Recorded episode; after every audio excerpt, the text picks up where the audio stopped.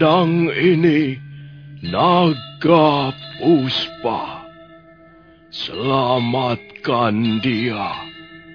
Jangan sampai jatuh ke tangan pendekar berwatak jahat.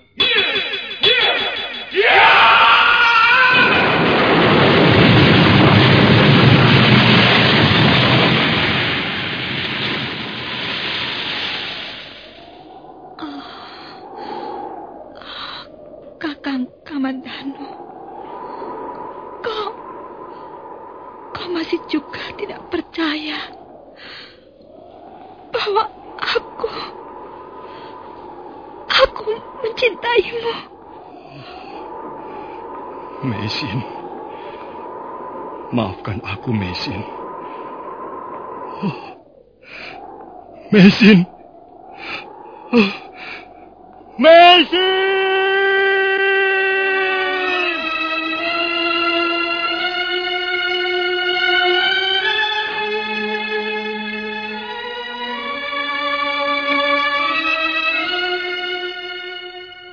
Tutur Tinula.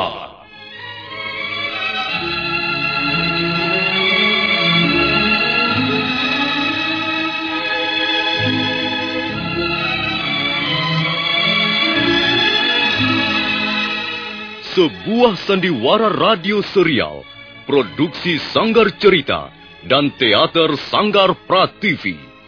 Sebuah kisah dengan latar belakang sejarah runtuhnya Singasari dan berdirinya Kerajaan Majapahit.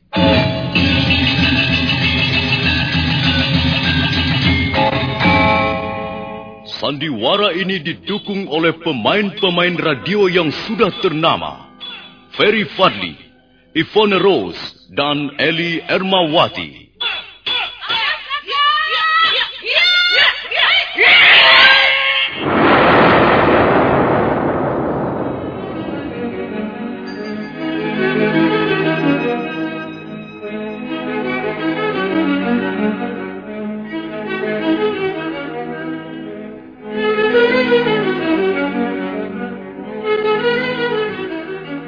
Cerita ini ditulis dan disusun oleh S. Tijab. Teknik dan montase dikerjakan oleh Rudi Tinangon dan Joko SP. Sutradara Y. Rudi Wartono. Kali ini mengetengahkan episode ketiga dengan judul Daun-Daun Bersemi Lagi.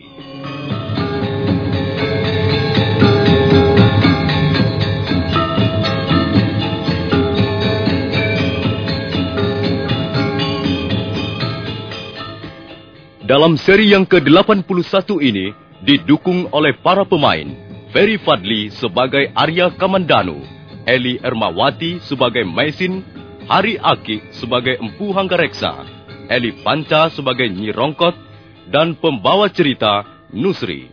Selamat mendengarkan.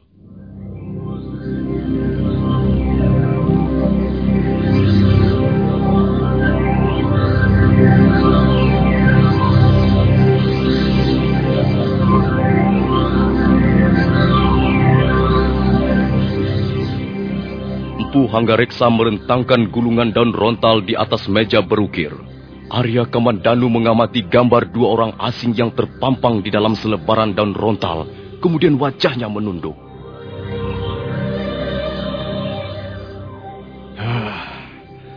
Bukankah gambar ini gambar wanita yang kau bawa kemari itu, Le? Lihat saja raut wajahnya, matanya, dan konde rambutnya. Juga perhatikan pakaiannya. Iya, memang benar ayahanda. Ini adalah gambar Mesin, wanita yang saya bawa ke rumah ini. Dan ini gambar Losisan, suaminya. Dia pasti akan mengundang masalah yang rumit. Sebenarnya dia tidak mempunyai masalah apa-apa, ayahanda. Bagaimana kau bisa berkata begitu, Le? Jelas dia itu buron pemerintah. Tentu saja dia mempunyai masalah. Tapi sebenarnya dia tidak bersalah apa-apa. Kalau dia menjadi pelarian, Itu hanya karena sekelompok orang yang tidak menyukai mereka. Ber, Kamandanu. Pemerintah Kediri sekarang ini jauh berbeda dengan pemerintah Singasari. Pemerintah Kediri adalah pemerintah yang ketakutan. Pemerintah yang tidak yakin akan tugasnya mengabdi kepada masyarakat. Jaya Katwang telah merebut kekuasaan dan memaksa Prabu Kertanegara turun tahta dengan segala kelicikannya. Karena itu, sekarang dia merasa terus-menerus dipayang-bayangi musuh dalam selimut. Apa kau tidak pernah mendengar bagaimana sepak terjang prajurit-prajurit Kediri? Mereka menjadi puas, beringas, dan brutal. Main tangkap, main geledah rumah orang, main kebuk dan bunuh bagi siapa saja yang dicurigai tanpa periksa dengan teliti, bahkan sering kali tanpa bukti. Hal itulah yang membuatku cemas, Kamandanu. Iya, saya mengerti ayahanda. Kau pasti tahu dan pemerintah Kediri juga tahu bahwa aku, ayahmu ini, adalah bekas pegawai, bekas orang kepercayaan Prabu Kertanegara. Dan semenjak Prabu Kertanegara wafat dan Singasari jatuh ke tangan Jaya Katwang, semuanya mendadak berubah. Aku bukan saja menjadi orang yang disingkirkan, tapi juga dicurigai.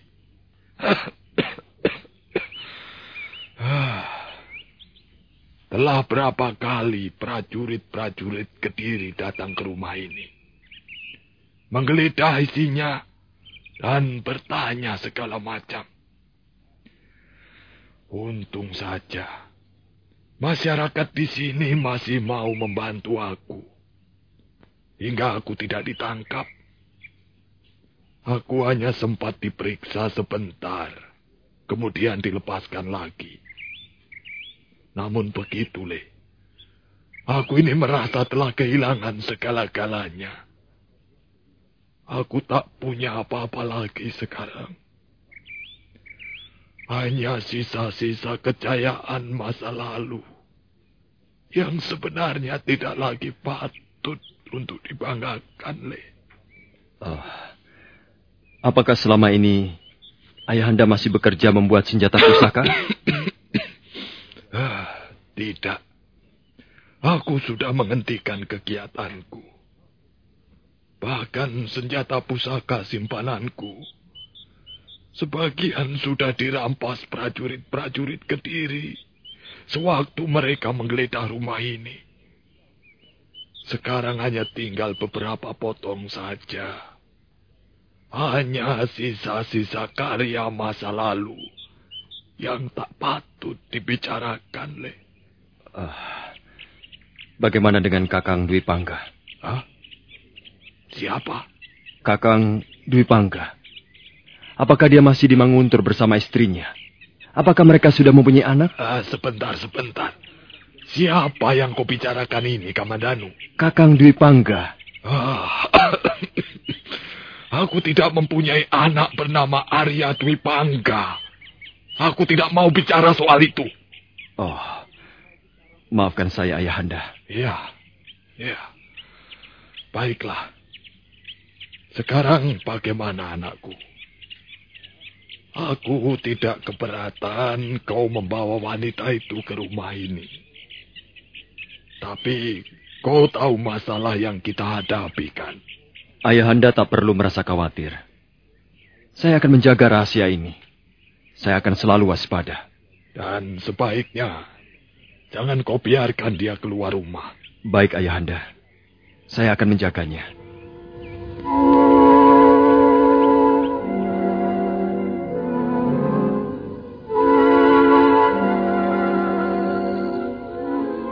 Mungkin ada masalah antara Ayahanda dan Kakang Dwi Pangga. Ayahanda tidak mau menjelaskan ketika saya bertanya soal itu. Bahkan beliau tidak mau mendengar Kakang Dwi Pangga disebut-sebut. Mungkin Bibi Rongkot tahu apa sebabnya.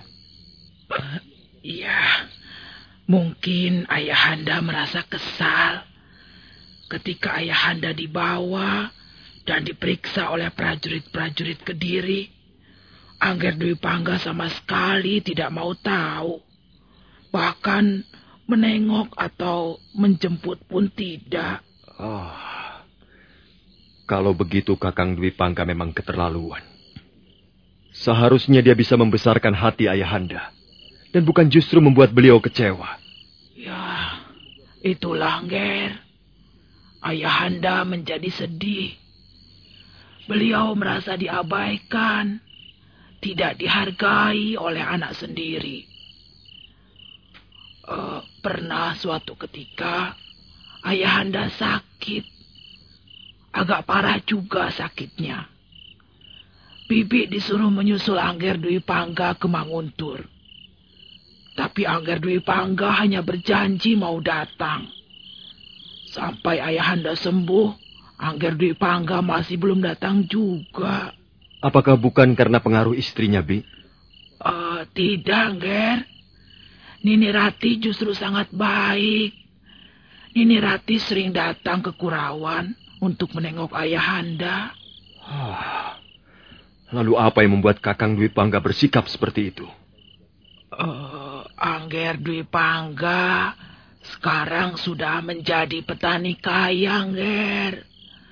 Dia sering pergi ke kota Kediri untuk menjual hasil buminya. Kadangkala sampai tujuh hari baru pulang. Wah, pokoknya Angger Dwi Pangga sudah hidup enak, kaya, dan makmur. Saya ikut gembira mendengar dia menjadi petani kaya. Tapi saya menjadi sedih mendengar sikapnya begitu pada orang tuanya. Ya, begitulah Angger. Karena itu Bibi sangat gembira Angger Kamandanu kembali. Bibi baru melihat lagi ayahanda tertawa. Bibi yakin rumah ini akan bercahaya lagi, Ger. Tidak seperti kemarin-kemarin itu. Rumah kok singup, redup, lengang. Seperti kuburan tua yang tak pernah dibersihkan. Hmm. Baiklah, Bi. Terima kasih atas keterangan Bibi tentang Kakang Dwi Pangga. Oh iya, bagaimana dengan Mesin? Ah, Nona Mesin bertambah segar, Ger. Uh, saya mau menemuinya, Bi. Ah, silakan, Ger. Silakan. Tapi hati-hati ya. Jangan sampai kecantol. Berbahaya. Ah, Bibi.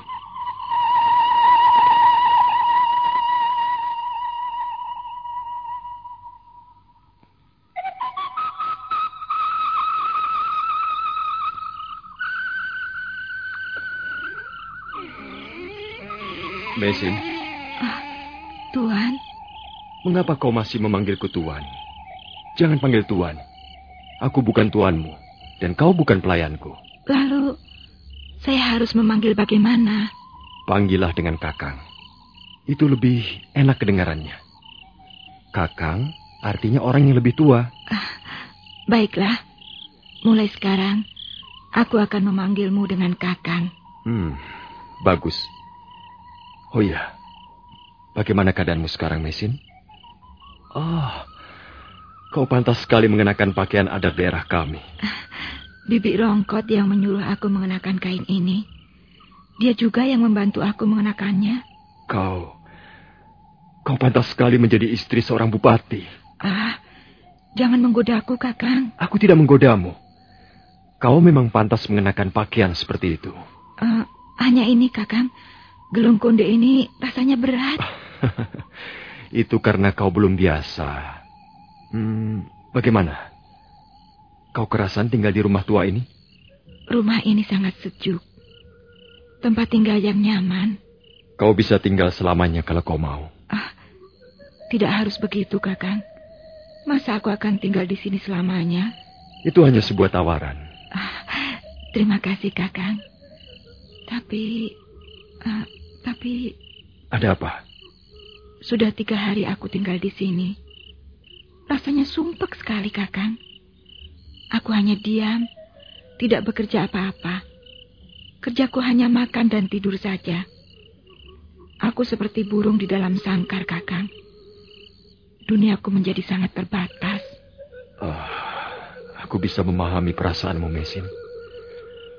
Kau pasti bosan terus-menerus berada dalam ruangan ini. Tapi... Tapi aku tidak berani melanggar perkataan ayahku. Melanggar bagaimana, Kakang? Mengapa kau harus melanggar? Ayahku menyuruh agar kau jangan pergi ke mana-mana. Mengapa? Seringkali prajurit-prajurit Kediri singgah di desa Kurawan. Ayahku takut mereka akan memergokimu di sini. Kalau begitu, desamu ini tidak aman. Bukan begitu. Di sini aman. Hanya kita harus selalu berhati-hati. Tapi sampai kapan aku harus mengurung diri di ruangan ini? Sudahlah. Uh, sekarang begini saja. Kalau kau ingin pergi berjalan-jalan di luar, mencari udara dan pemandangan yang segar di luar, akan kuantarkan. Hmm, tapi bagaimana kalau sampai ayahmu tahu, Kakang? Tentu saja jangan sampai beliau tahu. Karena itu, kita harus berangkat dengan diam-diam.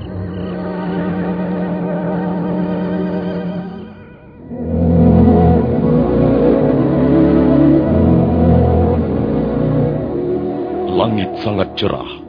Angin bertiup lembut dari lereng Gunung Arjuno menyejukkan daerah-daerah di sekitar Kurawan. Arya Kamandanu membawa mesin keluar rumah dan mereka terus melangkah sambil bersembunyi menghindari berpapasan dengan orang desa. Menjelang tengah hari, mereka tiba di tepi padang ilalang. Kita sudah sampai. Bagaimana? Bukankah tempat ini sangat indah? Rasanya tempat ini terlalu sepi. Iya. Tempat ini letaknya sangat terpencil. Hampir tak ada orang datang kemari. Kecuali anak-anak yang mengembalakan domba atau kerbau di sore hari. Oh, memang, tempat ini sungguh indah. Dataran luas yang penuh ditumbuhi rumput ilalang. Oh. Aku teringat Bukit Omosan yang tak kalah indahnya. Di lereng bukit itulah aku dibesarkan oleh ayah angkatku, Pendeta Mapohi. Mesin? Mesin? Apa yang sedang kau pikirkan? Ah, uh, uh, apa kakak? Kau sedang melamunkan sesuatu? Ya. Tiba-tiba aku ingat desa di mana aku dibesarkan. Tempat yang sunyi dan damai seperti ini membuatku terkenang pada lereng Bukit Homosan. Biasanya di sore hari kami, aku dan Lo, duduk di serambi kuil. Kami bercakap-cakap tentang panen, tentang ternak domba, tentang masa depan perkawinan kami sambil makan kacang merah. Sementara itu mata kami tak lepas memandang burung-burung camar yang terbang rendah. Kadangkala sayap mereka menyentuh puncak gulungan ombak yang mendebur sepanjang hari tiada henti. Oh, dia masih tak bisa melupakan masa lalunya bersama suaminya. Agaknya bukit-bukit kenangan itu begitu indahnya dan mengesankan. Kakang, Apakah kau juga mempunyai tempat yang banyak menyimpan kenangan indah? Uh, uh, uh, tidak. Aku... Aku tidak mempunyai kenangan apa-apa. Kau selalu membanggakan tempat ini. Tapi padang ilalang ini... Kau selalu membujukku agar aku mau datang ke tempat ini. Semula kukira kau menyimpan seberkas kenangan indah di sini. Ah, uh, tidak. Tempat ini memang indah. Tapi Aku tidak menyimpan apa-apa di sini. Aku senang pergi kemari karena ingin menikmati keindahannya saja. Uh, Ada apa, Mesin? Entahlah. Tiba-tiba aku teringat lo. Aku teringat semua kebaikannya dan semua yang pernah diberikannya dengan tulus padaku. Suamimu memang seorang laki-laki yang baik. Kau pantas mengenangnya. Tapi janganlah hal itu sampai mengganggu masa depanmu. Masa depan? Apakah aku masih mempunyai masa depan? Karena kita masih diberi kesempatan untuk hidup hari ini. Maka tentu saja kita masih mempunyai masa depan. Ah, tidak, Kakang. Bagiku, masa depanku sudah ikut terkubur bersama lo. Masa depanku sudah lenyap bersama kematian suamiku. Itu tidak benar. Ah, sudahlah, Kakang. Aku tak mau bicara lagi soal itu. Ya, kita bicara soal lain saja. Atau Kau mau berjalan-jalan mengitari tepi padang ilalang ini? Ayolah. Tapi jangan terlalu cepat jalannya. Aku masih lelah.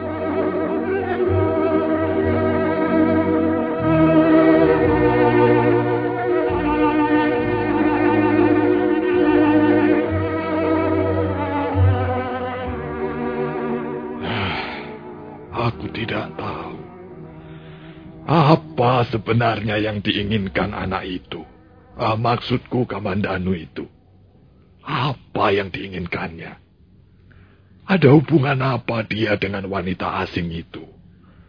Uh, apakah Angger Kamandanu belum menjelaskannya sudah, pada Gusti? Sudah, Nyi. Tapi aku belum mempercayai keterangannya. Aku ini tetap curiga bahwa di antara mereka pasti ada apa-apanya. Lalu, bagaimana kalau menurut pendapatmu? Ya, nampaknya memang begitu, Gusti. Sepertinya kalau hamba perhatikan, Angger Kamandanu mempunyai perhatian khusus pada Nona Mesin. Nah, itulah yang aku tidak suka. Uh, mengapa, Gusti? Bukankah hal itu sudah biasa? Aku ini tidak melarang Kamandanu menyukai wanita, Bi. Tapi Mbok ya jangan dia. Oh, apakah mereka kurang serasi menurut Gusti? Dia itu kan wanita asing, Tobi. Dia buron pemerintah Kediri. Sedang dia tinggal di sini saja, sebenarnya aku sudah keberatan. Apalagi dia pacaran dengan anakku. Ah, hal itu nantinya pasti akan mengundang masalah yang kawat. Ya, hamba tidak bisa bicara apa-apa, Gusti. Walaupun sebenarnya hamba hamba kasihan sekali melihat Angger Kamandanu. Kau kasihan, nih. Apalagi aku orang tuanya. Justru karena itu, kita harus bertindak tegas. Pokoknya, harus dicari cara agar hubungan mereka itu terputus.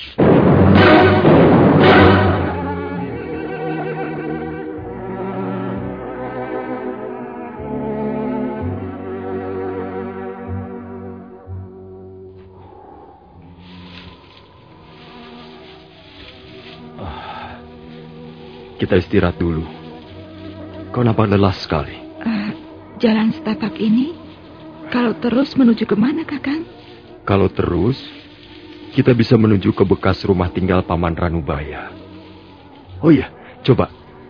Aku ingin melihat pedang naga puspa itu. Uh, jangan, Kakang. Lebih baik jangan. Lo pernah berpesan padaku agar senjata ini jangan digunakan untuk permainan.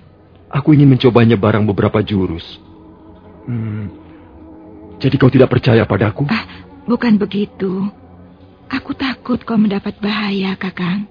Almarhum suamimu pernah mengajarkan bagaimana caranya menggunakan pedang pusaka itu. Hmm. Ah, kau masih juga tidak percaya. Baiklah, aku tidak akan memaksa. Kau bersungguh-sungguh, Kakang? Tentu saja aku bersungguh-sungguh. Aku ingin merasakan getaran senjata itu. Senjata ciptaan guruku. Baiklah. Tapi jangan lebih dari dua jurus. Kau berjanji, Kakang? Aku berjanji.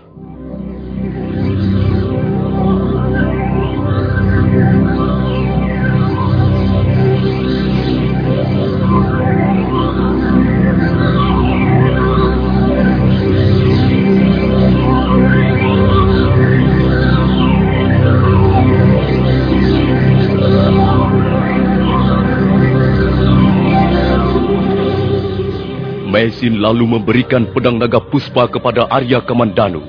Arya Kamandanu menimang-nimang sejenak senjata pusaka itu, sementara Maisin melangkah menjauh.